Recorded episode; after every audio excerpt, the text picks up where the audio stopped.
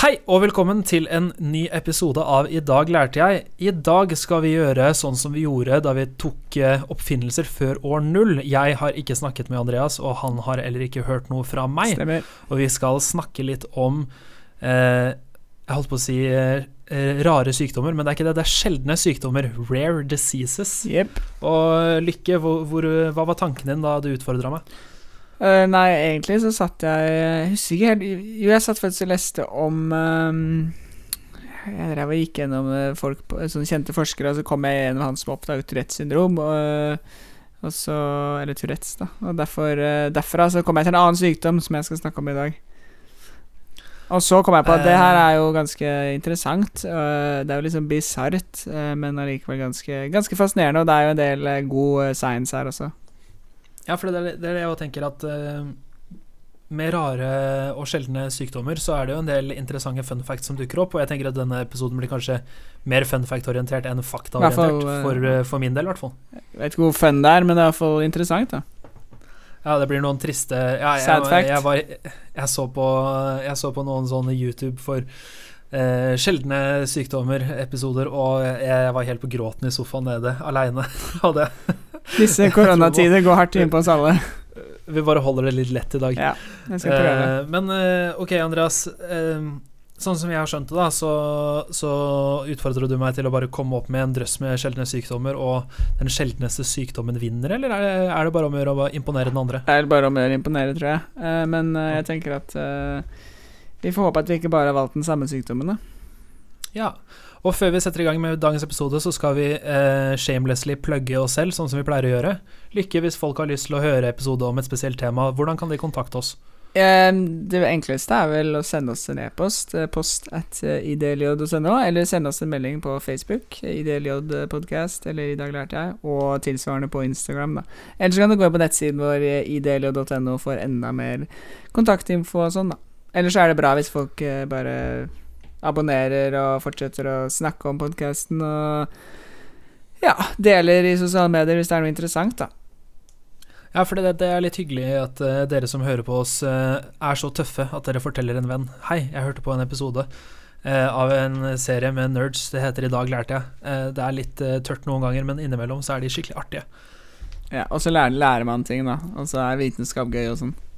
Vitenskap er egentlig gøy og sånn, så med disse ord så skal jeg i ettertid på magisk vis sette inn introsangen vår. Nå er du klar, Lykke? Jeg er klar. Lykke. Da, da blir det introsang nå, Lykke. Kjør.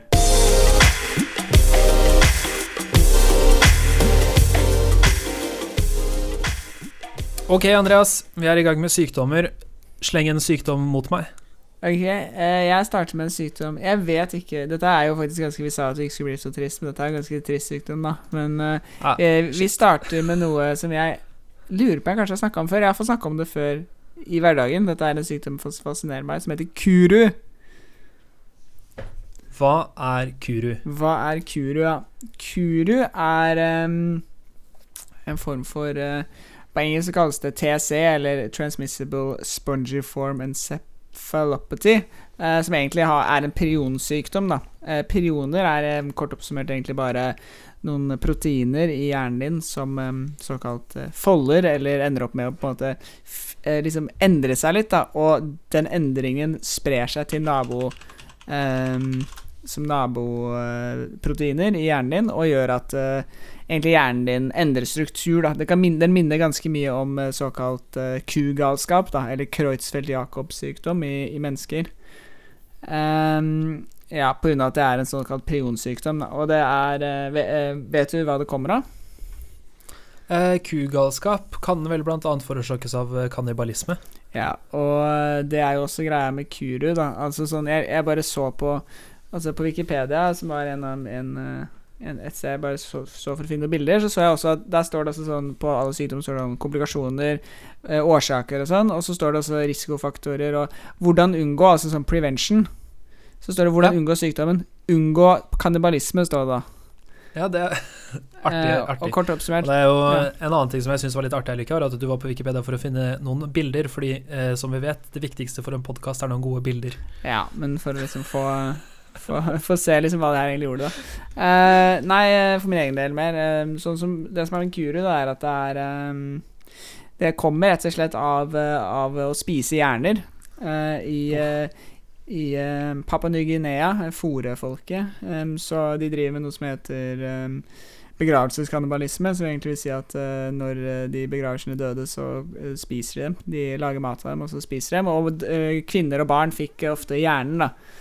Em, og hjernen uh, den, den eneste måten sagt, å få en prionsykdom på, er å spise da eh, noe som har prioner i seg. eh, da typisk en, en, en hjerne, da, altså menneskehjerner. Um, kan man, uh, kan man også spise, og da, da er det sånn risiko for at du får denne sykdommen. Da. Ehm, og den er ganske, den er ganske fæl. Det, det som skjer, da, er at altså, først blir den kalt eh, Den blir kalt litt sånn uh, lattersykdom, fordi at eh, de får sånn, sånn, ga, sånn ga, galemannslatter. Jeg lurte på om jeg hadde lest om den her. Ja, ja, ja. Det her er jo helt gærent. Fortsett. Ja, de, man begynner blant annet En av symptomene er at man begynner å le sånn ukontrollerbart. Da. Uh, som alltid Som sjelden er et godt tegn. Uh, det varer sånn fra alt fra 11, 11 til 14 måneder. Og i løpet av den perioden så går du fra på en måte å være ja, frisk da, til at hjernen din bare helt degenererer. Eh, du, eh, det starter med at du kanskje begynner å bli litt sånn ustabil. Altså du begynner å gå litt rart, musklene begynner å, begynner å riste litt, du begynner å slite litt med å snakke og sånn. Og da eventuelt disse, leingen, da. eh, som utvikler seg at du begynner å bli ustabil, altså emosjonelt der. I nivå to da begynner du å le, og det er da du begynner å bli emosjonelt ustabil. Kanskje litt deprimert, sånne ting. Men du er fortsatt ganske liksom sånn du kan, virke, du kan virke ganske til stede, annet enn at det begynner å påvirke deg litt sånn oppførselen din. Og så begynner det å gå veldig fort nedover, og da etter hvert så mister du muskelkontroll. Du begynner å slite med å svelge, som gjør at du åpenbart ikke får i deg mat, og du blir veldig tynn, og du kan miste evnen til å styre liksom, blæra di og sånn. Uh, du mister evnen Det står her me- mister evnen og viljen til å snakke, og du begynner å slutte å reagere på ting rundt deg. Uh, selv om du er våken, så bare er du u... Det går ikke an å kommunisere med deg. Eh, og det ender opp med at du begynner å få masse sånn åpne sår som blir infiserte. Ja, Og så dør man i løpet av en, uh, noen måneder, da, typisk. Ja, for jeg, uh, jeg har nemlig også fått tak i denne her under Har du fått den? Har du spist den hjerne? Er det det du prøver å si? Nei, jeg har, jeg har funnet den i min research eh, og skrevet den ned under tittelen 'Latterdøden'. Mm. Hvor det er en av måtene man For en av de tingene som er interessant med sjeldne sykdommer, er at man vet Det er jo Sjeldne sykdommer forekommer sjeldent, men sjeldne Ja. sykdommer er jo også ofte tar det veldig lang tid før man finner ut hvilke symptomer er det som gjør at man kan catche sykdommen tidlig, f.eks., for eksempel, fordi det er få pasienter som har disse symptomene. Ja. Eh, men ja, den latterdøden er, den er ganske rar. Mm, man har også sett at det er eh, Det fins altså, Man har bevist at dette har eksistert en stund. Det er en del eh, Hjernene til folk fra en del områder i Papua Ny-Guinea har altså noe sånn eh, ganske sterk motstand mot det. De har noen andre prioner som gjør at hvis du Som gjør ja, en eller annen gir deg en eller annen form for resistens da, mot dette. Um, faktisk. Så det tyder på at det har eksistert en god stund. Man har, eh, man har jo Før så trodde man det opprinnelig at det var um, åpenbart hekse, heksekraft, da. Det var hekser Det gir jo mening. Jeg ser eh, En av de tingene som kan skje, er eh, De har dissekert noen av hjernene fra folk som har dødd av denne sykdommen. Ja. Eh, hvor man har, og ser en effekt som kalles for Sveitserosteffekten. Hvor det er sånn store, åpne hull i hjernen Ja. til de som dør av kuru. Mm. Så det er ganske fæle greier. Ja, det er så Ja. I starten så visste man jo ikke hva det kom av, som sagt. Og der var jo Men de, de hadde såpass de, oppda, de så jo på en måte at de som fikk det, var kannibaler, og det er mye av grunnen til at kannibalisme ble sånn superulovlig i det området. Altså sånn I starten så tillot man liksom eh, kanskje en grad av kannibalisme i noen sånne stammefolk, da, men eh, jeg tror man ble litt redd for at dette skulle, skulle spre seg. Visste du, Andreas, at det resulterte i Nobelpris, eh, Nobels pris i Jeg vil anta medisin og eh, for legen som eh, oppdaget det, oppdaget, eh, oppdaget hvorfor folk led av det, og også klarte å eh, få fram et lovverk som gjorde kannibalisme ulovlig. Det er ganske rart. Eller ganske kult. Ja, hvem var dette? Var det Han heter Guy Dusek. Han er Ja. eh, amerikansk. Carlton Guy Dusek. Ja, det er. Jeg må jo også nesten se om han eh, Se hvilken nobelpris han vant. Han vant eh, Nobelprisen for fysiologi og medisin, ja. I 1976. Det gir mening. Og det er ganske sent, ikke sant? Det sier litt om hvor sjelden denne sykdommen kanskje er. Ja, og altså, så periodesykdommer er jo noe man eh, Som er, er jo et problem. Altså, man har jo skrapesyken, eh, og man har jo eh, også da, som sagt, eh, Creutzfeldt-Jakob og kugalskap. da. Jeg vet ikke om Du er nok gammel nok til å huske dette her, men for dere som er over Ja, du må vel være over 25, kanskje 30 til og med, før du husker den der um, kugalskap-greia. da. Det var en stor greie med liksom å spise hamburgere fra England. var veldig sånn Fordi at det var et utbrudd av kugalskap i, i England, så det var veldig sånn Det var veldig, veldig mye snakk om det, at du må passe på hvor kjøttet ditt kommer fra. og sånn, for Hvis du spiste kjøtt derfra, kunne du få Creutzfeldt-Jakob, da, som ville gi Altså lignende symptomer. Og, og igjen, da, hvis du får en sånn prionsykdom, så er du ferdig, liksom. Det er ikke noe det er ikke noe, det, du, det er ikke noen måte å fikse det på, akkurat. Det er kjedelig. Jeg kan gå inn eh, på en helt annen sykdom, jeg. Ja. fordi eh, det er jo noen eh, sykdommer der ute som er oppdaget av nordmenn, eller beskrevet av nordmenn også. Ok. Eh, det er noe som heter fenylketonuri, også kalt følgingssykdom, spesielt i Norge. Ja, det Som er oppdaget av den norske legen Ivar Asbjørn Følling i 1934. Ja. Eh, da han la merke til at eh, det var en sammenheng mellom eh, veldig, veldig, veldig høyt innhold av fenylalanin, altså Mm. eh, Fenylalanin, en av de 20 Hva er det det heter? Det Aminosyrene? heter takk. Eh, en, av de, en av de 20 aminosyrene eh, kunne ha en sammenheng med mental retardasjon. Ja. Eh, og ja, det er, jo, det er jo akkurat det som er eh, den store, pro, store problemet her, da, at eh, du får eh, dårlig utvikling av hjernen. Eh, ja, skjer mye forskjellig, men det som er litt artig med den sykdommen, er at den er født Nei, unnskyld, oppdaget av en nordmann. Ja. Eh, og nå screenes alle nyfødte babyer for den. Ja. Eh, og det, man gjør det ganske enkelt ved en blodprøve. Og man behandler det også veldig lett eh, med streng diett. Fordi problemet er at du får eh, Du har en enzymveifeil. Mm. Eh, altså er det noen av enzymene dine som ikke bryter ned de rette aminosyrene til de rette aminosyrene. Mm. Eh, og og det, som, eh, det som du gjør da, er at du unngår kilder til fenylalanin i dietten din. Ja. Og det er en av de få tingene som er oppgitt på alle for Eh, altså alle matprodukter da, som, Mm. som du kjøper på din lokale eh, matvarehandel. Det er eh, inneholder kilder til fenylalanin, står det merket ganske tydelig. Ja, du- det oppdaget av en nordmann, Jeg ser her Så- at du kan unngå det ved å spise vegansk. blant annet.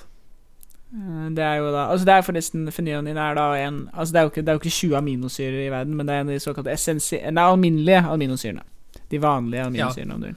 Så er en av, de, en av de 20 som mennesker trenger å få i seg med maten, men også en av de alminnelige, altså lager kroppen den selv, ikke sant? Eh, nå tror jeg Nå blander du to ting. Altså sånn Du har, du har nemlig de alminnelige aminosyrene. Det er 20 aminosyrer.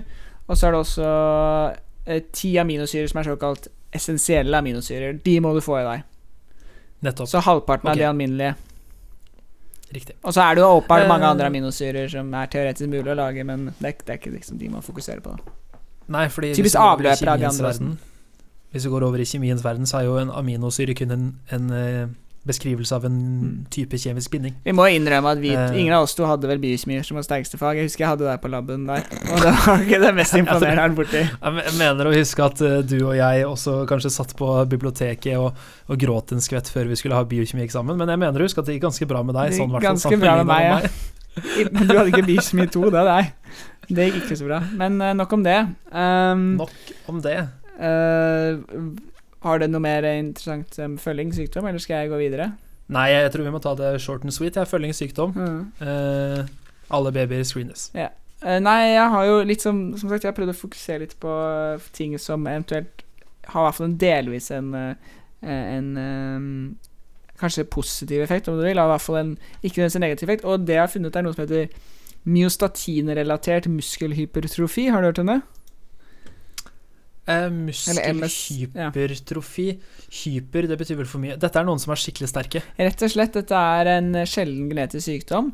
eh, som, kom, eh, som eh, gir de, som, de berørte individene, altså de som har det Du får redusert kroppsvekt og økt skjelettmuskulatur. Altså du, disse folka kan gjerne ha dobbelt så mye muskler som folk flest, og ikke bare det, så er musklene også sterkere enn en, en i vanlige mennesker. da Eh, Wow. Dette er rett og slett veldig store og sterke mennesker. Det er, det er, det er ganske ukjent hvor mange som har det. Og det, det, det er ingenting som tyder på at du verken påvirker intellektet ditt eller den generelle helsa di, så det eneste som skjer, er at du blir eh, svær, da, rett og slett, om du vil.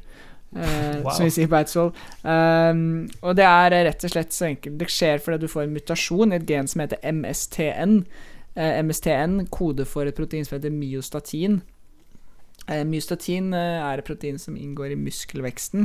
Og hele poenget med myostatin er at det rett og slett bare ja, kan sørge for at musklene ikke vokser seg større enn de trenger. da eh, Jeg ser for meg at det er noe som evolusjonært sett har kommet Jeg er ikke 100 på det, men ut fra det jeg kan om evolusjon og kroppen, og sånn, så vil jeg tro at dette har noe med at Altså hvis du, hvis, du, hvis du bruker veldig mye energi på muskelvekst over et visst punkt, så vil jo det kreve veldig mye mat. da Noe som ikke er så stort Mm. problem i dagens samfunn, men som kanskje Altså Før så var jo på en måte tilgang til mat noe av det som begrenset oss mest. da Så du ser jo en del, en del um, genvarianter som ikke nødvendigvis er spesielt bra, eller en del kroppstyper og sånn som kanskje ikke nødvendigvis er helt ideelle sånn når det kommer til å, å kjempe og sånn, men det bare gjør at man liksom trenger mindre mat, da, som ikke nødvendigvis har noen annen funksjon enn det. Dette er jo da en av disse som som eh, gir deg rett og slett bare større muskler, da, og um, og myostatin, eh, ved å redusere myostatinen, så gjør det at uh, musklene over uh, Altså de blir overvekst, da, som det heter. Eh, det foregår via såkalt eh, inkomplett autosomal dominant arv. Eh, det er egentlig bare at hvis du har mutasjon At du har to kopier av hvert gen, typisk, altså, for du har jo to um, kromosomer, ikke sant? Altså du har jo Stemmer de fleste gener har du to hverandre, sånn at hvis det ene Gitt bortsett fra da um, Y-kromosomet på menn, da. Uh, og det vil jo da si at uh, hvis du har da et gen som er ødelagt i det ene kromosomet, så kan det andre kromosomet veldig ofte bare gjøre jobben. Eh, og så får du jo problemer hvis du sender det videre til, til barna dine, og det er typisk sånn der, der, derav arvelige genetiske sykdommer. Men, uh, men akkurat det her er, eh, er sånn at hvis du har da ett um, kopi av det muterte genet, så blir du større da også. Du får litt større muskler, uh, men ikke så mye mer enn det. Men hvis du har begge, det er da du opplever dobbel vekst. da Såkalt uh, swole disease, som jeg har tenkt å begynne å kalle det. Såkalt ja. Og dette er også mulig å gjøre i dyr. Mm, noen forskere fra Kina har uh, lagd eh, Åpenbart eh, har lagd eh, noen beagles, hvor de innførte dette i, i, i beagles. eh, og da den ene Uh, beagle Hun, hunden beagle. eh, den, ene, Wow. den ene av to um, To um, tvillinger fikk da dette, dette denne mutasjonen, og da Du kan se det på bildene. Det er ikke de beste bildene, men du ser at den er, den er større, liksom. Den er større og sterkere, og de levde og tilsynelatende hadde et eh, ganske bra liv. Uh, også, det fins også en del bilder hvis man søker på myostatinrelatert muskelhypertrofi. Det, det som er mest interessant med det, er jo faktisk hvis du noen gang har sett på sånn Du vil ikke tro hvordan denne barnet ser ut. Når du ser sånne barn som har full sixpack, svære muskler og driver og benker ting, de har den sykdommen. I større grad enn nødvendigvis voksne bodybuildere. Det er ikke noe, sånn, det er ikke noe selvfølge at en voksen person som er gigantisk vil det. Men hvis du ser et barn som ser ut som liksom en bodybuilder, så er det typisk at de har denne sykdommen. Eh, altså små, små barn. da Sånn type 15 måneder og sånn kan de liksom begynne å liksom gjøre liksom full body press-ups og sånn. Som det heter. Hei, Lykke. Jeg Hei. hadde noe trøbbel med mikrofonen min, så, men nå er jeg tilbake. Ja, jeg har en annen sykdom eh, som eh, gjør at eh, barn ser litt annerledes ut. Ikke at de blir store og sterke, men det er noe som heter Hutchinson-Gilford progeria. Mhm. Som også er noe du kan søke opp på Instagram, for det finnes utrolig mye bilder av det. Mm. Eh, og det er rett og slett at nyfødte barn veldig fort ser ut som gamle mennesker. Ja, det, ja. Eh, og det, det finnes eh, enn så lenge ingen, ingen måte å behandle sykdommen på. Eh, men, eh, men nyfødte barn de, altså de ser strålende fornøyde ut, eh, men de lever veldig korte liv. Eh, og de ser ut som altså de, ser, de ser ut som de har voksne hoder i en veldig liten kropp. Mm. Og, og det blir synlig allerede før de fleste barn får hår. Mm. Så de ser, de ser ut som ja, gamle, rynkete aliens. Eh, det er veldig rart. Men det er jo, det er jo et, et kort liv, men bortsett fra at de ser veldig gamle ut, så virker det ikke som om det er noen negative, negative ting som påvirker liksom day to day, eh, før litt senere, når kroppen faktisk eh, tar skade av det og bryter helt ned. Ja, så man, man blir ikke så veldig gammel av det. Nei, de dør ved sånn 13 år omtrent, er gjennomsnittet. Ja, så det Så er, det er, det er jo veldig tidlig. Men, eh, men i motsetning til en del andre sykdommer som er arvelige og, og Mm. farlige i barn, så, så lever de i beste velgående helt til de har en veldig kort eh, og ganske dramatisk eh, liksom, nedbrytning av kroppen før død. ja. Jeg ser her, jeg bare søkte opp selv, jeg ser at de dør av eh, sånn, eh, sånn der eh, hjerteattakk, slag og sånn andre ting som på en måte påvirker eh, gamle mennesker. Gamle folk. Åreforkalkning og sånn, rett og slett. De blir, Ja, ja. kroppen blir rett og slett eldre veldig fort. Det er en veldig Ja, det, er- altså, det er veldig rart å se et, et, et helt voksent fjes med melketenner. For det er det, Mm. det, det er det som gjør at det ser så rart ut, i hvert fall for meg. Mm. Eh, vi kan jo Jeg kan snakke litt mer om uh, Hva er det jeg har her, da? Altså sånn Jo, eh, mens vi er inne på litt sånn alvorlige, alvorlige ting, da, uh, så kan jeg snakke om en annen sykdom som kanskje en del folk kjenner til, som er i utgangspunktet ganske alvorlig, men som også har en, en ganske eh, Kanskje uventede bivirkninger. Da. Det er sykdommen SMA, eller spinal muskulær atrofi. Det er jo på mange måter en ganske, ganske fæl sykdom. Den, eh, det er en såkalt nevromuskulær sykdom. Den gjør at motornevronene dine, altså det som, delen av hjernen din som styrer muskler og sånn, eh, blir liksom De svinner hen, da. Det, det, de faller sammen. Eh, og det fins mange forskjellige versjoner. Altså Du har noen som kan få det ved fødsel. Det er en av de aller vanligste årsakene til spedbarnsdød, faktisk, i disse dager, i, i Vesten. Um, og, men mange utvikler det også når de blir eldre, da. Eh, enten når de er liksom unge, eller når de blir um, fullvoksne. Uh, det påvirker armene, beinene og puske, pustemuskulaturen din og gjør generelt at um, det er vanskelig å, å bevege seg eller, eller puste, da. Um, Ca. 1 10 000 mennesker får den sykdommen. Uh, det finnes jo mange varianter, sagt, og er, tilsvarende så er det også en variasjon i alvorlighetsgraden. Eh, dette er, du har sikkert, man har nok sett bilder av dette, er også folk som um, de, Når de er voksne og har den, en ganske alvorlig versjon, så vil du se de ligger typisk De må ligge um, på, på en eller annen form for seng. De kan ikke bevege De kan ha veldig store problemer med å bevege armene. De er veldig tynne. Uh, De er veldig lite, lite muskler, da. Så det er rett og slett Det er vel en eller annen Det er en sånn prominent eh, norsk person, jeg husker ikke hva han heter nå, som har vært en del ute i media og snakka om det her, som har det. Han, eh, han også ser eh, Han har rett og slett ikke muskler, da, så er, eh, du kan på en måte se for deg hvordan det er uh, utseendemessig. Um, men det som er interessant, syns jeg med det, det jeg kan først snakke litt om hva det kommer av. Det kommer av en, um, en mutasjon i et gen som heter eh, Trolig, i hvert fall. et gen som heter SMN1, som eh, rett og slett regulerer um, degraderingen av motorproteiner i hjernen. Uh, mange mange Det fins en del sånne ting i kroppen som faktisk, i motsetning til at det Altså, det, de, de eksisterer kun for at kroppen ikke skal eh, eh, liksom ødelegge noe, da. Altså sånn Det er sånn et såkalt beskyttelses eh, beskyttelsesgen, eller beskyttelsesprotein, da, som er der. Så lenge det er til stede, så vil ikke kroppen din på en måte eh, ødelegge Ødelegge seg selv. ødelegge seg selv og ødelegge hjernens motorproteiner. Eh, og um, Så det som er interessant, da, var bare at jeg så at liksom, kroppen din blir jo svak, og du blir du kan, musklene dine først svinner og sånn. Um, men det påvirker intelligensen din eh, også. Eh, mange sånne sykdommer gjør, har jo en, en, en bieffekt eh, av Altså mange eh, sånne nevrodegenerative sykdommer og mye sånn genetiske alvorlige sykdommer har en effekt av at eh, man blir får nedsatt læringseffekt. Altså man blir, eh, har problemer med å lære, man har kanskje lavere IQ og sånn. Men denne sykdommen, spinær muskulær atrofi, gjør at Eller man ser typisk at ikke bare utvikles de fortere mentalt, dvs. Si at de, eh, de, er, de snakker tidligere, de, de virker skarpere når de er små, men de har også typisk høyere intelligens enn en folk flest. Um, som, eh, og de har også det som jeg veldig Som jeg likte veldig godt, grunnen til at jeg valgte å ta det opp, selv om det på en måte er en alvorlig uh, sykdom, er at um, de eh, Når man måler opp, altså, opplevd livskvalitet, altså hvor fornøyd er man med det livet man lever, så scorer folk med denne sykdommen ganske høyt. Altså, eller høyt, da. De er glade. De er lykkelige mennesker.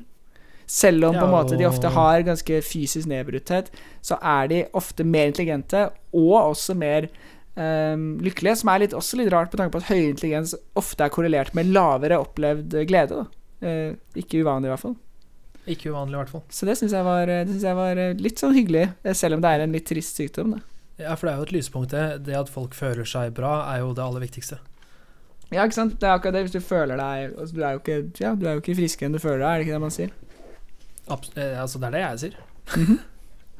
Eh, du var så vidt inne på noen sykdommer som, som kreves Som krever at eh, man har gen genetikken til stede på begge variantene av kromosomet. Ja, så det ikke er Eh. mutasjon Eller at det er mutasjon på begge variantene.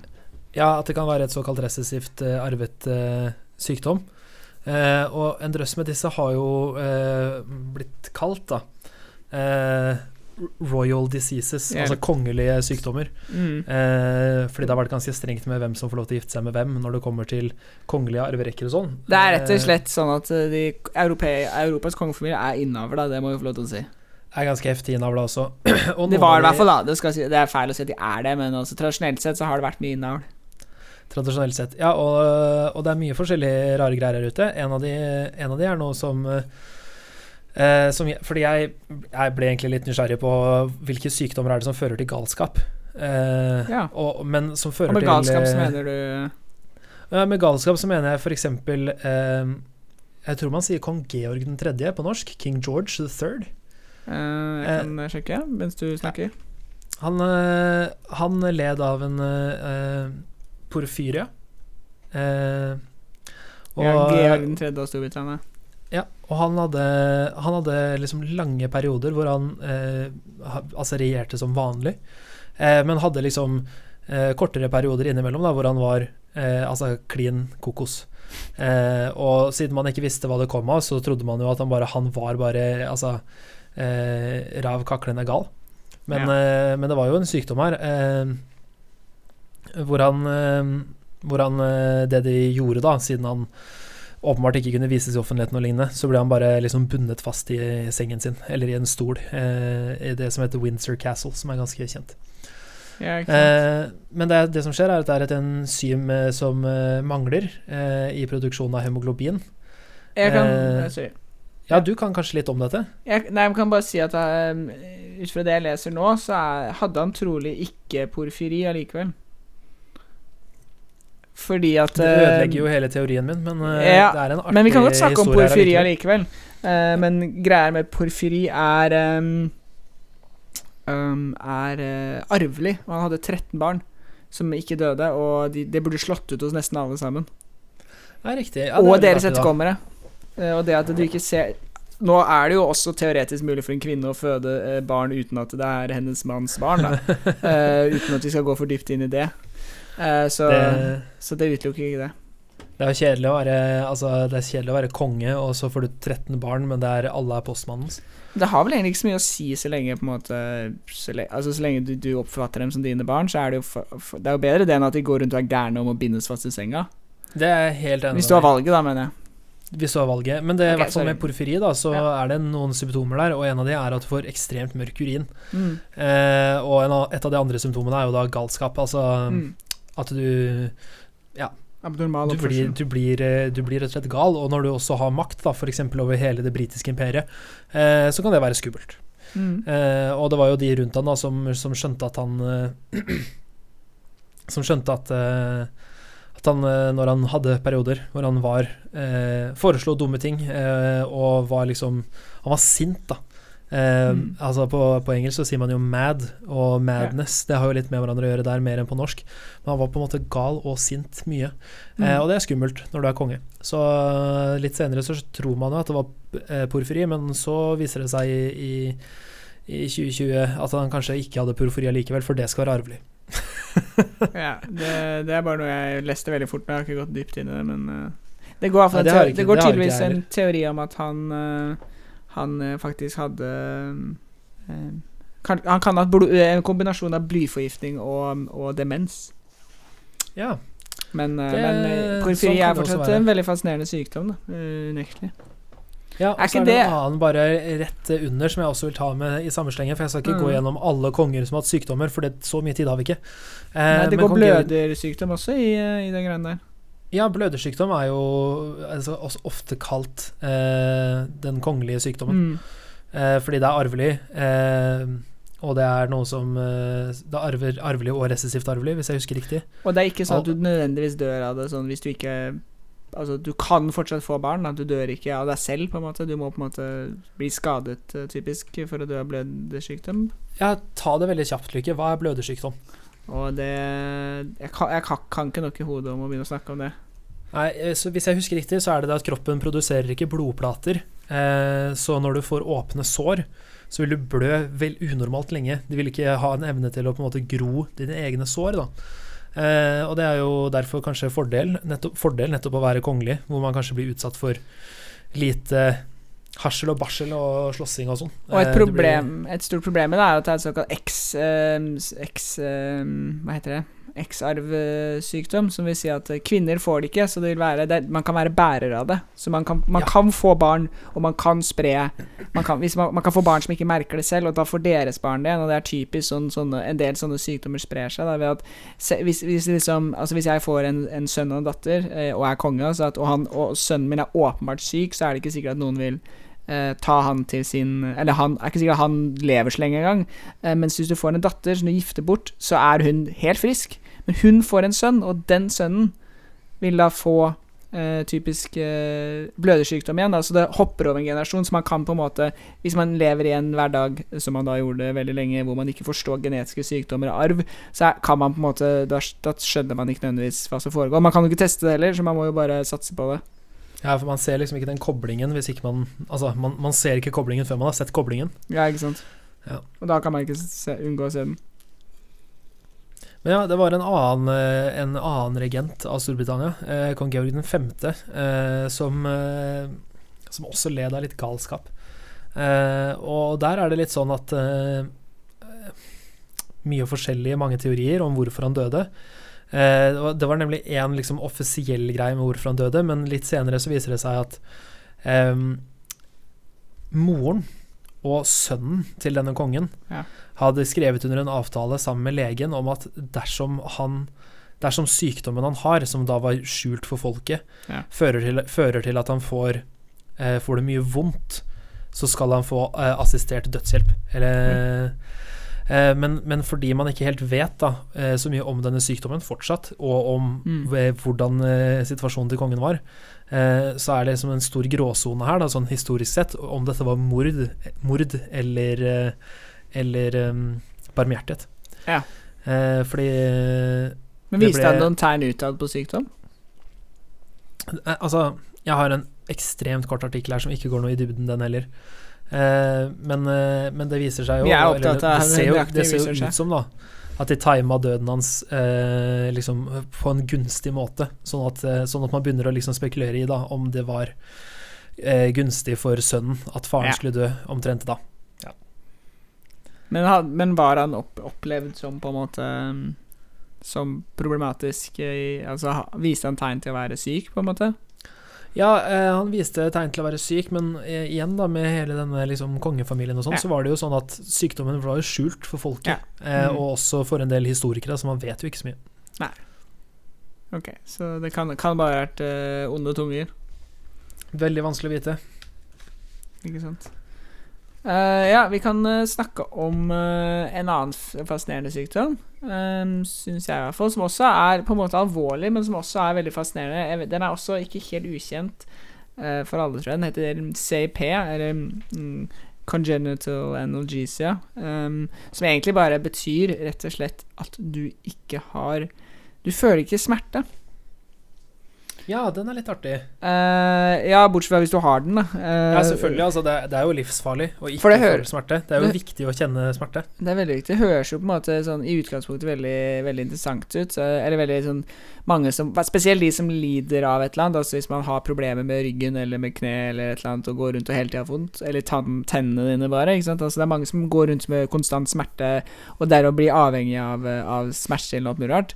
Eh, og for dem så ser jeg for meg det å ikke føle smerte må føles veldig Høres ut som en drøm, men dette er, dette er typisk um, dette er, Det er ikke så lett, altså. Disse folka er uh, Dette er mer enn egentlig en uh, Egentlig mer et symptom enn det er en egen sykdom. Man vet ikke helt alltid hva det kommer av. Kan være litt forskjellige årsaker, og det er litt forskjellig grad av alvorlighet òg, men For dette er mennesker som rett og slett dette er en ekte ting som folk går rundt og har nå. Og dette er tilfeller hvor de ikke føler, eller noen gang har følt fysisk smerte.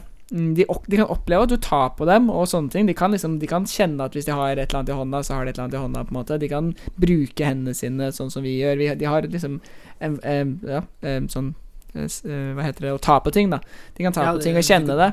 De har respons der. Men de er, øh, men, men, de kjenner ikke smerte. De de har, normal intelligens, ingen andre fysiske abnormaliteter. Ingen, ikke noen andre symptomer enn det at de ikke føler smerte. Og to typer øh, av dette. Den ene kjenner at det skjer noe. Liksom hvis, du, hvis, du, måte, hvis, noen stikker en kniv inn der, så kjenner du sånn Oi, der var det et eller annet. Uh, og du kanskje til og med kjenner at Å ja, dette er en stikkskade, på en måte, men du reagerer ikke på det. Du vil ikke trekke deg unna hvis du har hånda di på en, en på, over ild. Eller i kokende vann og sånne ting. da um, Eller hvis du knekker som, beinet, så vil du fortsette å prøve å gå på det. på en måte Annet enn at du ja, vil er, Ja, Eller så finnes det den andre typen, og de merker det ikke engang. Altså, de kan du stikke en kniv inn i halsen på dem, og de bare sitter her. Altså, de, det er ingen respons. De har virkelig ingen eh, Altså, verken nerver for å kjenne liksom, fysisk kontakt eller Jo, de smerte. kan kjenne fysisk kontakt, de også. De rett og slett ah, okay, bare kjenner ikke smerten. Så de kjenner jo på en måte at det skjer noe, men de kan ikke Hvis du påfører dem smerte, da, eh, så de vil jo kjent at noe skjedde, men hvis du påfører dem smerte, så kan de ikke si hva slags smerte. De kan ikke si om det er en sykdomssmerte, om det er et, et stikk, om det er ild, om det er så, kulde, ja, sånne ting. De vil ikke kunne kjenne den smerten uh, og identifisere den. Veldig rar hva, Men hva er dette? Er det genetisk? Er det, mm, høres ut som en mutasjonsfeil eller, ja, eller, lignende? Det er litt forskjellige ting. Altså sånn uh, Uh, man har teoretisert flere grunner. Man vet ikke helt hva som fører til det, som sagt. Uh, man vet at um, Man vet at det kan komme av overproduksjon av endorfiner i hjernen. Um, rett og slett at du føler Altså Det er jo det stoffet som typisk eh, du aktiverer når du tar en del smertestillende stoffer. da Og en ting som er ganske interessant med det, er at uh, Har du noen gang hørt om Naloxon? Ja. Naloxon er, er uh, sett på som et såkalt essensielt uh, medikament. da Og Det er det man bruker hvis noen tar en overdose av opiater. Uh, så hvis du tar overdose av heroin, for eksempel jeg, jeg har vært med på en studie om Naloxon eh, i Norge. Ok eh, det, Hva, gjorde, Er det Du må fortsette. Jeg, det, dette blir min neste sykdom, fordi jeg har nemlig en sjelden sykdom. Jeg oi, ok uh, Jeg får håpe du ikke er heroinavhengig. men hvis du er heroinavhengig og tar en overdose, um, så kan du rett og slett Jeg tror du, det er en spray som du kan spraye Naloxon inn i nesen til denne personen, og de kan våkne. da For det Naloxon gjør, er at um, det, det, er en såkalt uh, opiatantagonist. Dvs. Si at det, det, det, det, stopper din hjernes evne til å ta opp opiater, da. Eh, så vidt jeg forstår. Og det vil da rett og slett gjøre at hvis du tar Naloxon, og så tar du heroin, så blir du ikke høy. Det funker ikke. Heroin gjør ingenting med deg, for det mm. aktiverer ikke den delen av hjernen. Den, og de har faktisk gitt Naloxon til folk som har denne denne sykdommen, eh, hvor de ikke føler smerte. Og de har følt smerte for første gang i livet sitt. Oi, eh, for så, en spesiell ting. Det er liksom du har jo sett uh, sånne korte YouTube-klipp og sånn av folk som ser. Uh, hører for første gang, ser for første gang. Som blir sånn der Wow, jeg er så glad for at de kan oppleve det på samme måte som meg. Men smerte, det er sånn De kunne gått uten hvis det hadde vært trygt, på en måte. Ja, fordi uh, Ja, så, så, det kan jo tyde på at det har noe med opiatreseptorene og det endorfinsystemet ditt i hjernen. Um, og en ting som er Det er et par ting for, for, sånn, Vi har ikke snakket om det ennå, men bare for å understreke det for de som ikke nødvendigvis um, kobler det. Så grunnen til at det er så farlig å ikke føle smerte, er rett og slett det at spesielt i barn, altså de kan begynne å bite av seg tunga.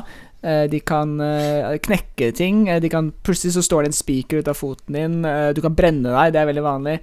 Og infeksjonssykdommer. Du ikke, får ikke vondt, sånn sykdomsvondt heller. Så det er veldig lett å på en måte La oss si at du skraper albuen din, eller du får et eller annet åpent sår, og så vasker du det ikke, så du får, går en infeksjon i det, men det gjør ikke vondt heller. Ikke sant? Og hvis det kanskje er under håret ditt, så du ikke kan se en fysisk ting, så rett og slett Får du infeksjon, så plutselig bare dør du av infeksjon. Eh, men eh, en siste ting er at det finnes en by i Sverige som heter Vittangi, eller Vittangi, jeg vet ikke om du uttaler det. Mulig det er helt nord, så det blir jo Vittangi, eller noe sånt. Jeg vet ikke om de snakker opp i nord i Sverige, eller om de der, der er nord i Sverige. Men i denne byen så har de eh, identifisert nesten 40 pasienter som har dette symptomet. Så det er veldig, veldig utbredt uh, i denne byen i forhold til hvor liten byen er. Wow. Hvorfor, ja. igjen, er man usikker på. Det kan, jeg personlig tenker jo automatisk at det må tyde på at det kanskje er noe genetisk der. Altså, jeg skal ikke si noe stygt om små svenske byer, men det kan jo hende at det ikke er tradisjonelt sett så mange å få barn med. Kan hende de har eh, Altså, skal ikke si noe stygt om på en måte den europeiske kongefamilien heller, men ja. Kanskje det er litt samme tendenser. Ja, i hvert fall altså, om det på en måte er Altså er Noen genetiske sykdommer er jo sånn hvis du bare gifter deg med Det kan slå ut bare med, med, med liksom kusine-fetter-giftmål, som i, i, i utgangspunktet er, er, lov. da Så det er ikke noe Jeg sier ikke at folk driver gifter seg med søstera si nødvendigvis, men i en populasjon hvor det er veldig få Altså få mennesker, så er det jo naturlig at det vil være en del slektskap. Er i hvert fall hvis den ligger um, geografisk separert, og de på en måte har gått jordbruk eller et eller annet, så kan holde dem, uh, holde dem der. da Ja. Du, jeg må jo nesten fortelle historien om, om Naloxon, om meg. Uh, for nå er det sikkert fire år siden, så skulle jeg være mm -hmm. med på, være med på liksom, forskning på sykehuset. Være sånn frivillig. Bli med på denne forskningsgreia. Altså, jeg, jeg tror jeg skulle få kinobilletter eller noe. Eh, og da var det naloxon de skulle forske på, nettopp mm. for å få naloxon fra sprøyteform over på nesesprayform. Og hvis det allerede er på markedet, så har de jo fått det til. Ja, det er kjempekult. Er det ganske sikker på det? Nå, nå ble jeg usikker, men jeg tror det er sånn det funker. Ja. Ja, fordi forskningen på naloxon, da Naloxon var som du sier, eh, opiathemmende. Dette er bare fire år siden? Ja, det er, altså, det er veldig nylig for meg, i hvert fall.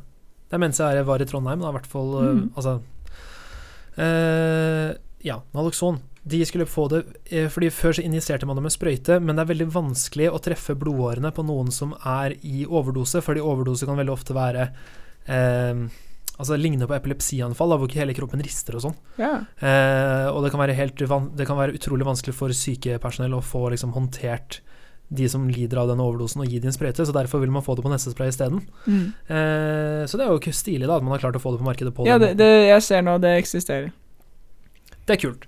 Men da jeg skulle være med på den undersøkelsen, så skulle vi jo teste en drøss med ting. Eh, og det første jeg måtte gjøre, var jo å gå gjennom en full screening for å se om jeg var normal. Uh, og, det, og, det, første var jo at uh, siden jeg er helt på grensen til overvekt, uh, så måtte jeg jo kle av meg til jeg sto der bare i bokseren for å komme nøyaktig innenfor normal på, på, på vektskalaen. Da. Ikke ulikt USAs president Donald Trump, som er han, sånn er vel, han er vel overvektig? overvektig? Nei, han er overvektig, men ikke såkalt sykelig overvektig. Da. Han er én centimeter høyere eller én kilo lettere, litt avhengig av hvilken vei du justerer skalaen.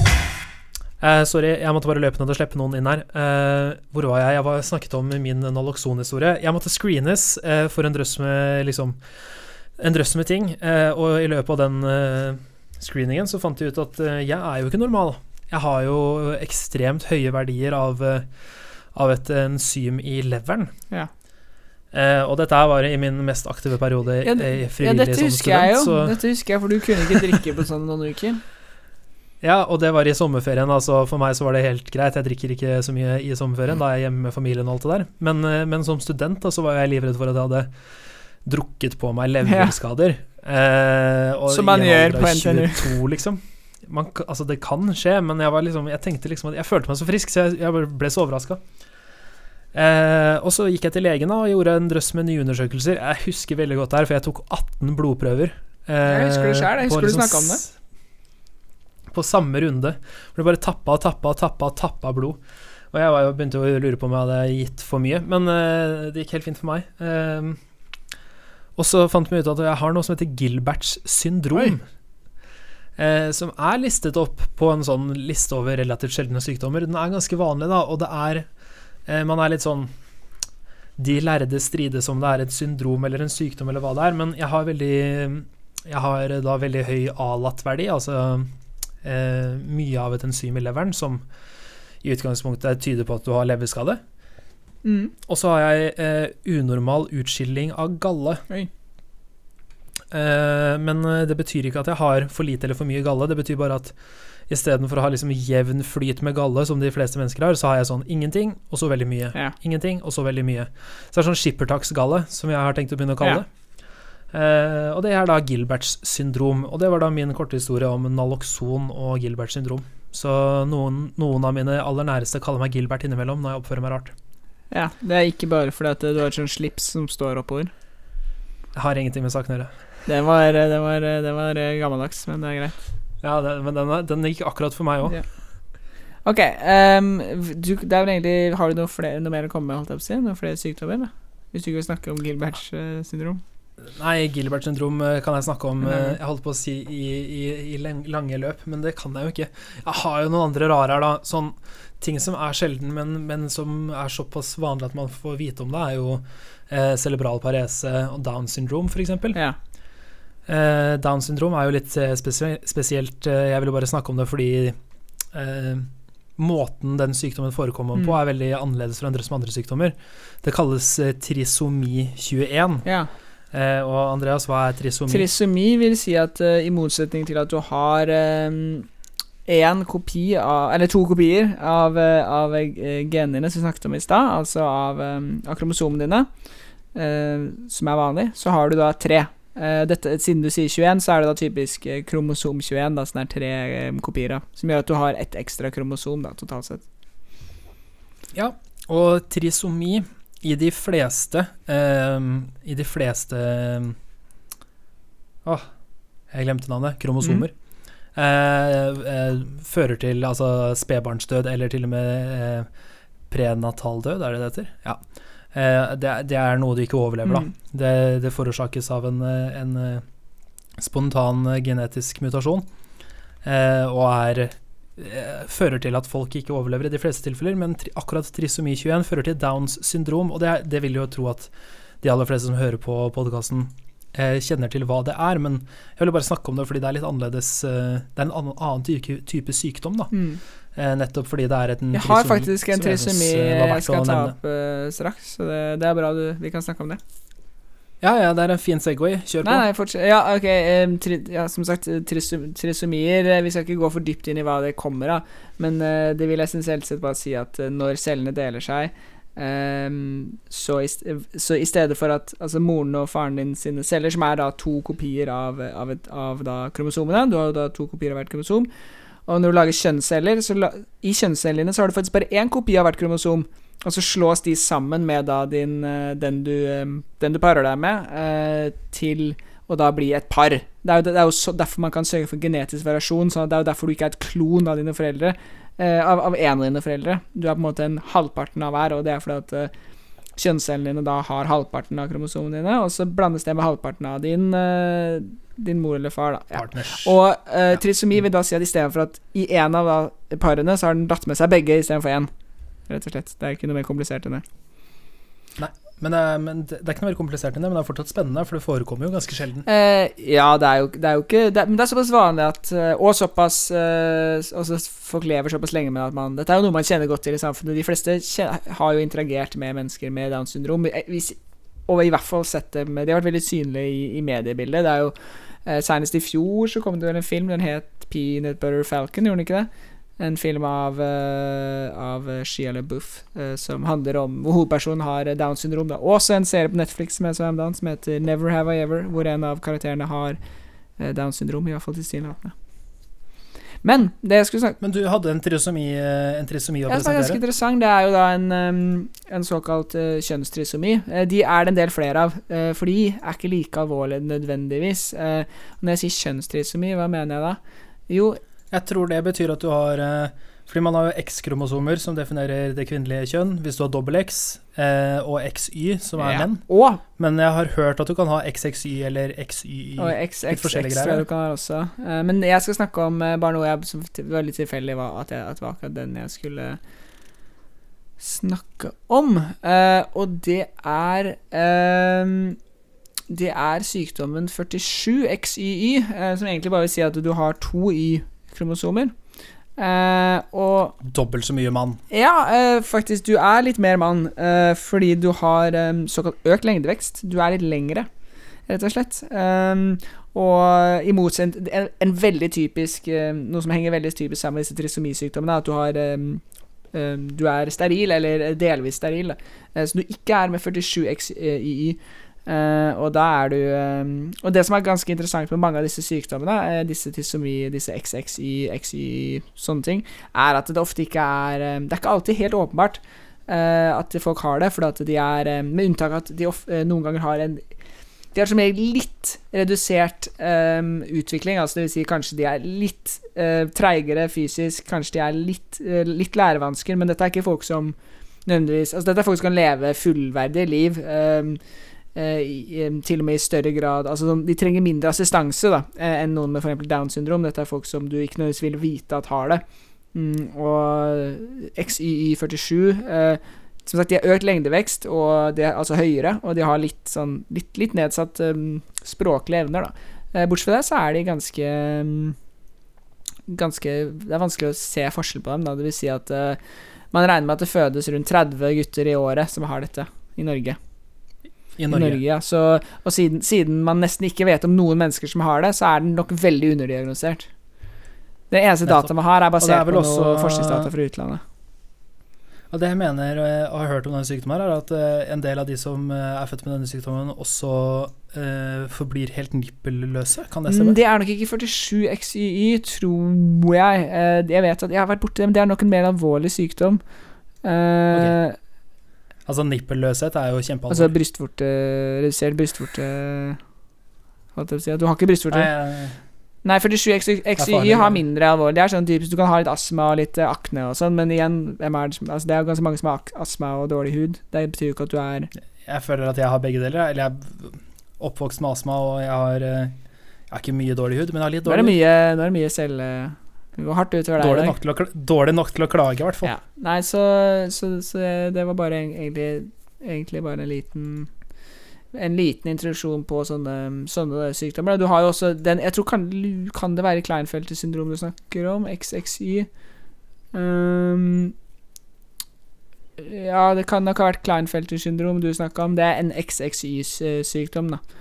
Det som ja, heter da har du egentlig dobbelt så mye mange X-kromosomer ja, og de ser også litt uh, De ser typisk feminine ut, kan ha brystvekst, litt sånn, litt sånn kvinnelige former, da. Men ellers uh, Fordi de produserer ikke like mye testosteron som andre menn. Ellers så ser de ganske vanlige ut. De bare igjen kanskje har litt, litt øl, øl, ølmage og sånn, og litt bryster og sånn. Uansett, vi skal ikke snakke om det i hele dag. Men det er interessant, vi burde egentlig hatt Det å snakke om kromosomer og sånn er jo noe jeg blir veldig glad i, så jeg begynner å bable. Ja, jeg, jeg fikk også en helt genial idé i stad til en sånn miniserie. Vi burde jo ta en serie om sansene våre. Ja. En episode, én sans. Det hadde vært Det, kjempegøy. det kan dere se frem fram til. Men uh, du, Lykke, uh, vi burde egentlig runde Ja, av. men jeg har, jeg, jeg har ikke ennå ikke sagt Ja. den som ga meg ideen, skjønner du. Ja, den må du få lov til å kjøre på med, da. Eller vil du være kanskje Jeg kan avslutte, ja. Du vil kanskje være spikeren i kista med den, så skal jeg snakke litt om spedalskhet først. Ja, for, for å få opp, få opp stemninga med litt spedalskhet. Det er sykdomsepisoden. Det må være lov å snakke om ting som er svært alvorlige Ja også. Eh, lepra, eller eh, spedalskhet, er en kronisk infeksjonssykdom som skyldes infeksjon med bakterie. Eh, for det er ikke så mange bakteriesykdommer Ja, for denne snakket vi om i episode én. Vi snakker vi om lepra? Fare for det. Eh, fordi spedalskhet er jo det er en, det er en bakterieinfeksjon, eh, og den gjør at man får ja, deformerte ledd, eh, hud Ja. Google it. Det er mye eh, spennende bilder der ute, men det er jo også en, eh, en historisk sykdom, Veldig. fordi det har vært eh, veldig, mange, veldig mange landsbyer og byer har jo støtt ut de spedalske fra sitt samfunn.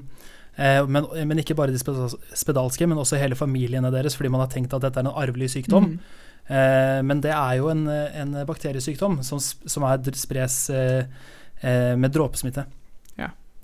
Ja. Eh, på denne måten så spres det jo på samme måte som covid, så akkurat eh, det, er, det er min aktualitet Og episoden. ikke ulikt covid, så blir man isolert i, eh, hvis man får det, og folk prøver å unngå deg. Det er, altså, likhetstrekkene blir bare flere og flere. Eh, største forskjellen på, på er deres isolasjon og min isolasjon er jo at jeg, eh, jeg, jeg er vel strengt tatt frisk selv om jeg er i isolasjon. Ja. Man kan kurere er lepra med, med antibiotika. Kan man ikke? Eh, jeg mener i hvert fall at eh, noen lepra-varianter kan kureres med antibiotika. Eh, og det er, det er jo på en måte litt eh, artig. Mm. Eh, fordi eh, lepra er jo Ja. en smittsom bakteriesykdom som man strengt tatt har utrydda, men det forekommer i, verden innimellom. Eh, og i dag så kan man, eh, kan man rett og slett redde det. Jeg har en personlig variant eh, på det, jeg også, faktisk. Jeg kom på, apropos det eh, Jeg klarer ikke helt å komme på hvorfor jeg har det nå, men det er jo også en sykdom som er oppkalt etter en nordmann. Hey. Eh, fordi eh, Siden vi begynte å snakke om det, så er det jo sant? For den, eh, den kalles også Hansens sykdom. Eh, Ja, det har du rett i. Den ble oppdaget av eh, Gerhard Henrik Bakterien ble påvist av en nordmann. mm, Gerhard Henrik Armauer Hansen. Ah, Eh, så, så Hansens sykdom har vært lite brukt her til lands, står det på Store norske leksikon. Men jeg kom på det nå, at ja, det er faktisk også oppkalt etter en, en, en nordmann. Stilig. Og Lykke, vil ikke du være ankretapp i dag med en siste sykdom? Ja, for dette var der jeg kom på ideen, da, for jeg kom på at det er mye rart der ute. Eh, og få ting uh, syns jeg er så rart som Det var mer navnet som jeg syns var så fascinerende. Dette er da Jumping Frenchman of Maine syndrome. Eh, altså, eller hoppende franskmenn i Maine, da. Eh, og denne sykdommen, den heter bare Ja, dette, dette, dette er på en måte en sykdom like mye som det er en gruppe mennesker. Eh, og det er da eh, en veldig kjent eh, ne nevrolog som het eh, William Beard. Han har vært ganske viktig og, har beskrevet en del interessante nevrologiske sykdommer. Han, han var Han fant eh, rett og slett en gruppe mennesker i Maine i USA. De var såkalt eh, De var såkalte tømmerhuggere. eh, og de var fransk-canadiere. Eh, og de hadde en veldig spesiell eh, reaksjon på skvetting. Det var så at de, de, de hoppa! De hoppet opp eh, på en veldig rar måte. Eh, og det eh, altså sånn, Det er derfor det kalles 'jumping Frenchman of Maine'. Og dette kommer av noe som heter skremmerefleksen. Jeg Jeg fant ikke et perfekt norsk ord på det. Det er den såkalte 'startle reaction' på engelsk. Um, såkalt skvetterefleks, kan du kalle det. Eh, det er det som skjer når du på en måte skvetter, da, rett og slett.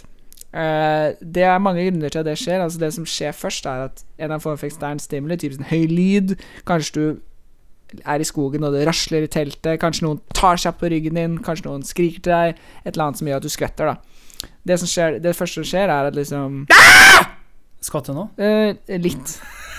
Eh, Noen av lytterne våre kommer til å hate oss for Ja. dette. Så det som skjer når du Når, når, du, når du kommer opp For høy lyd, altså var et godt eksempel uh, Så aktiveres eh, et område i hjernen som heter amygdala mm, Som er ganske interessant altså for at folk som har skader i amygdala Eller um, eller andre det, no, Noen former for amygdala-variasjoner kan faktisk gjøre at du ikke har fryktrespons. Det er en del mennesker som ikke kan føle frykt. Eh, hvis du har sett filmen Free Solo, eh, som handler om en fyr som klatrer opp et fjell uten tau, egentlig, i USA ha, uh, Han Ja. fyren der, han, um, han Han er et eksempel på en som har en veldig begrenset fryktrespons. Da. Det er litt av grunnen til at jeg mest tror du kan gjøre sånne ting. Uh, uansett, et signal går derfra til et sted som heter hypotalamus, og gjennom hjernen din, og, og ender opp med å produsere litt sånn kortisol, adrenalin, noen andre nevrotransmittere.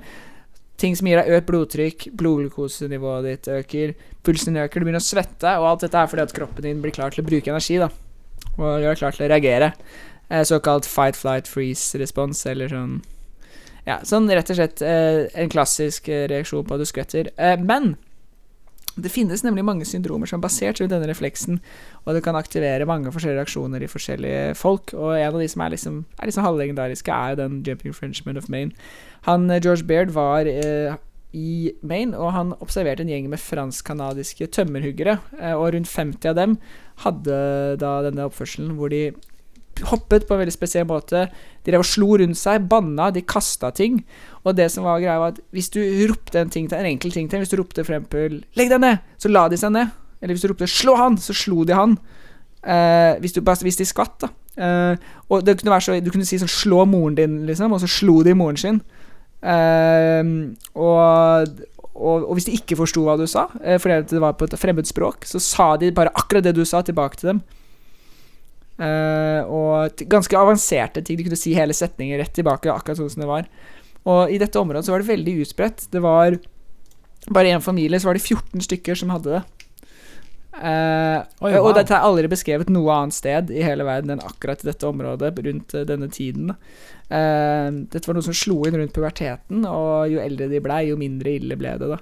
Uh, og det var også, kunne også regulere seg hvor ofte du ble skremt, og generelt stressnivå, og hvor sliten man var. da. Så man, det er noen teorier om at kanskje dette De levde jo i Altså, det å være tømmerhugger på 1880-tallet er ganske farlig, da. Mye høye lyder, plutselig kommer det et tre som kan smerte deg. Det er viktig å kunne eh, Altså, du er hele tiden går rundt og stresser, da, og det er for mye frykt og mye død og sånn, og generelt ikke noe så veldig gode tider. Så det er folk som lever i ganske mye stress. Så man tror kanskje Kanskje det var noe av det, og jo eldre de blei, jo mindre Ja, som jo mindre ille var det, da. Og det var ikke så mange Det var ikke sånn at alle hadde liksom, så det som en helhet. Det påvirka f.eks. bare menn i større Eller påvirka menn i større grad enn kvinner, da. Uh, og det var generelt eh, Ja, og eh, dette, dette var annet forskning som, på, eh, som ble inspirerte da han um, Gil, eller Tourette, han som oppfant uh, Tourettes Tourettes, da. Eh, han som identifiserte det. Og dette, det er litt, litt sånn identifisert litt så likt med en del sånn tics-sykdommer som, eh, som også, gi, også øker i, um, i alvorlighetsgrad når man er stressa, da. Um, så Ja. dette Man vet ikke helt som sagt hva det kom av, og man har jo som sagt ikke sett det i ettertid, da. Men det kan minne om en del andre sykdommer. Um, som, eh, som, som, som man, man kaller det såkalt Hva heter det? Sånne kultur... Man kalte det vel kulturrelaterte syndromer. Altså, det har vært teorier om at det hadde noe med hvordan de vokste opp. Altså Kanskje man liksom vokste opp i et miljø hvor altså Kanskje man rett og slett kopierte hverandre og lærte oppførselen. Litt sånn som man, sånn som man kan straffe noen til å ikke ville gjøre noe.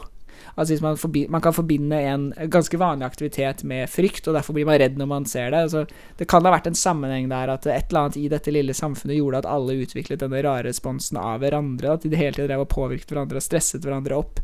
Og det gjorde at de, de også opplevde, fikk dette, da. Det fins faktisk eh, kulturspesifikke skvettesykdommer i dag. Uh, I dag så er det den kanskje mest kjente her i Malaysia, hvor det kalles lata. Og hvis du googler Lata, så det Jeg fant faktisk et YouTube-video som var ganske fæl. Som var ganske, det var egentlig ganske rar greie. At det ser ut som det sitter en gjeng med unge, ganske unge gutter sånn i tidlig 20-åra og bare driver og skremmer en sånn annen ung fyr som hele tiden driver og Kroppen hans driver og liksom låser seg i så rare posisjoner og driver og skriker og sånn. Eh, og de sitter og ler sånn skikkelig fælt. Og videoen heter sånn 'Very funny Lata'-greier. Og så i kommentarfeltet er det også bare masse malaysere som er sånn ha-ha-ha. Sånn var det mange i byen min som var, og sånn ha-ha, dette her er kjempemorsomt. Og, og så er det en og annen amerikaner som hopper på og spør sånn Hva er det dere ler av? Dette her er helt forferdelig. Og, sånn, og så kommer det flere malaysere som er sånn ha-ha-ha, dette er kjempegøy. Det er en veldig fascinerende video. En Åh. tolv år gammel video, faktisk. som er fra YouTubes tidlige dager.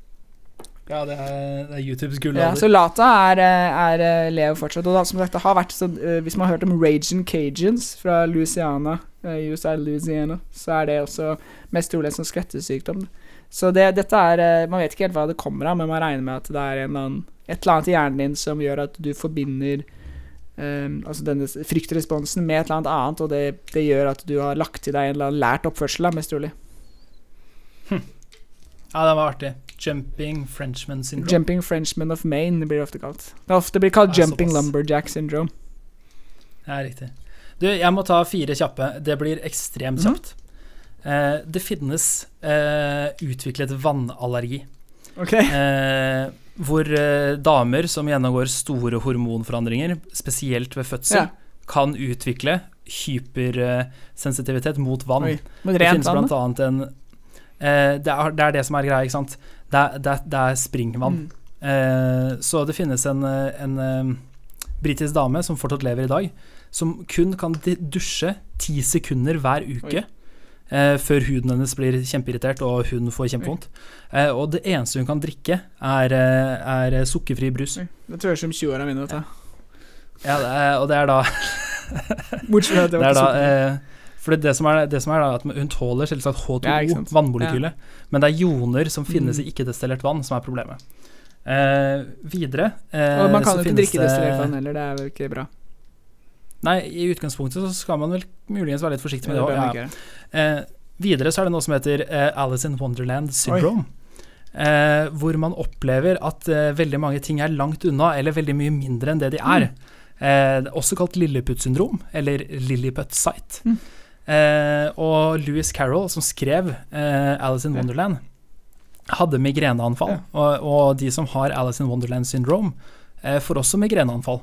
Hvor du i anfallene også kan oppleve at du liksom Det er som om du blir en kjempe, og alt annet rundt deg blir kjempelite. Jeg opplevde det. Så han, det er noen som mener at Louis Carroll muligens selv hadde Alice in Wonderland syndrome, og skrev en bok om Jeg opplevde det har når jeg var har eh, barn, som- eh, til stadighet. Eh, Spesielt når jeg lå i, i sengen. Hvis jeg var syk, så opplevde jeg den, den følelsen du beskrev der i, Mange ganger har jeg ikke opplevd det i voksen alder, men jeg husker det veldig tydelig, hvordan det føltes som at jeg ble Det føltes mer som jeg var lengre unna enn at jeg var større, men jeg husker at jeg kunne nesten framprovosere og gjøre ting mindre. Faktisk. Ja, det, da kan det hende at du har hatt eh, tendenser til Alice in Wonderland Jeg har jeg også snakket med andre som har opplevd det samme, så det, det kan godt hende at det er noe som, som går igjen. Men som sagt, det var jo når jeg var syk, da, så det gir jo mening. Det kan gi mening, gutter. Ehm, og så er det noe som uh, heter uh, Maple Syrup urine disease. Oh, det har jeg hørt om, det òg. Ja, det har du lest om i biokjemiboka Ja, di. Fordi det er, det er der jeg har funnet en del av de artige tingene mine i dag. Eh, nettopp for å lese i det, vår felles biokjemibok. Eh, hvor eh, greia er at eh, det, altså, det at tisset ditt lukter eh, Lønnesirup. maple syrup, eh, lønnesirup Mm. eh, det, er må, det er sånn det, det skjer fra liksom dag to som barn. Så hvis du lukter det som forelder, så må du få det sjekka. For det er, det er en feil i, i eh, aminosyre Det er, det en, en aminosyre som du ikke eh, klarer å gjøre om riktig Men dette er ikke dødelig. et Nei, det er ikke dødelig i utgangspunktet, men du kan få Du kan eh, eh, få eh, oppleve opp, eh, altså spontan oppkast, eh, dårlig utvikling av hjernen og tidlig død hvis ikke du behandler det med diett. Mm. Eh, så den måtte jeg nesten bare slenge inn her, fordi jeg syns den er litt, litt spesiell. Og så er det den er, ikke, den er ikke det samme som, men den er ganske nært beslekta med eh, albinisme. Ja. Eh, som vi alle kanskje har hørt om og sett, og det er jo da at eh, du mangler pigment. Ganske vanlig i, i dyr. Altså, det blir ofte ja. drettet fram i en del dyr. Og det er jo da altså, mangel av pigment. Helt hvitt hår, helt hvit, hvit hud, og det er fordi du eh, Du klarer ikke å gjøre om melanin til tyrosin. Ja. Unnskyld, omvendt. Du klarer ikke å lage melanin fra tyrosin. Eh, og samme med, med maple syrup urine disease. Eh, så er det Du klarer ikke Du får en overopphopning av lysin Ja. i, i kroppen. Eh, I blodet. Ja, en aminosyre. Og så når du får mye av det i blodet, så renner det rett og slett over i urin. Ja. Og det var mye av det artige jeg hadde om, eh, om eh, rare sykdommer. Eh, sjeldne sykdommer. Mhm. Har du noe siste ord å komme med, Lykke? Nei, eh, ikke det. Jeg, jeg prøver, å, prøver å holde fryktresponsen din på et OK nivå. Det er veldig bra. Eh, har du lært noe i dag, eller? Jeg har lært eh, mye, altså. Jeg har lært eh, egentlig liksom litt mer om, om generelt det med, med fryktrespons. Eh, jeg har lært om Jeg har lært litt mer om trisomi uh, 47XI. Jeg har lært litt uh, forskjellige greier. Uh, jeg har et par sykdommer som jeg ikke rakk å ta, som, uh, som jeg nå ser nederst på listen her. Det er noe som heter eh, pika, som, som bare er at du spiser Du, du får en appetitt for alt. Virkelig alt. Spiser spise liksom Ja, jeg spiser leire, eh, maling, jord. Eh, og og det, man, man tror jo da, for man har ikke klart å finne ut hvorfor det oppstår, men, eh, men man antar at det er fordi man har en mangel på et viktig mineral. Ja. Så det er diett som er eh, liksom løsningen. Sammen med noe som heter Møbius ja, det, det hadde jeg også. Ja, som bare er eh, fullstendig mangel på, på bevegelse i ansiktet. Mm. Eh, så, så man har behov for hjelp her, da. Eh, fordi man kan ikke blunke. Så man trenger at noen fukter øynene for deg, eller at man gjør det sjøl. Man lærer seg å fukte sine egne øyne. Mm. Eh, men det finnes en Møbius syndrom foundation, Mm. hvor familier som har medlemmer med denne tilstanden, sier at etter hvert så merker de det ikke i det hele tatt. Fordi du kan på en måte kroppsspråk er mer enn bare ansiktsuttrykk. Ja. Så de klarer å lese personen selv om de ikke kan gjøre noen ting med ja, det er folk i Norge ut- Det er flere i Norge som lever med det. Det er Ja, og utover at du ikke kan gjøre noe med fjeset, så fungerer resten av kroppen helt som normalt. Og det er jo ganske artig, på en måte. det er også normal Eh, intelligens. eh, Absolutt. mm, det er bare mimikk ekstremt uh, mimikkfattig, som det heter. Og så er det noe som heter eh, Pythagoras sykdom. Eh, som bare er en liten spesiell genetisk eh, greie hvor eh, du klarer ikke bryte ned et stoff som bl.a. forekommer i fava-bønner, som brukes til å lage falafler. Eh, som kan gi gulsott og nyresvikt. Så Pythagoras skjønte ikke liksom mer enn at det var fava-bøndene som var problemet. Så det ble bannlyst fra byen han bodde i. Hadde han det? Eh, ja, han hadde det, og mer, mange, av de som, eh, mange av de som han var med, hadde det, da, så du kunne få Ah. veldig gul hud og sånn. Eh, og, men den sykdommen, eh, kall det en sykdom om du vil, finnes fortsatt i dag, spesielt i Afrika. Ja. Fordi de som har den sykdommen, er genetisk resistente mot malaria. ja, ikke ulikt de som har sånn um, sigdcelleanemi. Nettopp. Eh, så jeg bare syns Ja, for det, var litt, jo, eh, det var jo sikkert masse malaria borti Det var i Hellas og sånn sikkert, under Pythagoras tid. Det vil jo gi mening. Vil jeg tro. Det er ikke sånn at eh, tiden startet der. Så de har jo sikkert eh, en evolusjon- evolusjonær grunn hvis mange i hans by hadde det, for det var jo rundt Middelhavet. Der kan det være malariamygg så langt nord. så vidt jeg forstår. Ja, det vil jeg tro. I hvert fall, hvert fall ja. Hvert fall, det er jo snakk om en, et langt historisk perspektiv her. Mm. Men ja, jeg har lært masse artig i dag, Mm, eh, ja. Lykke. Og hva blir eh, dagens aller siste ord fra deg? Nei uh, uh, Pythagoras. Det er vel mer et navn enn et ord.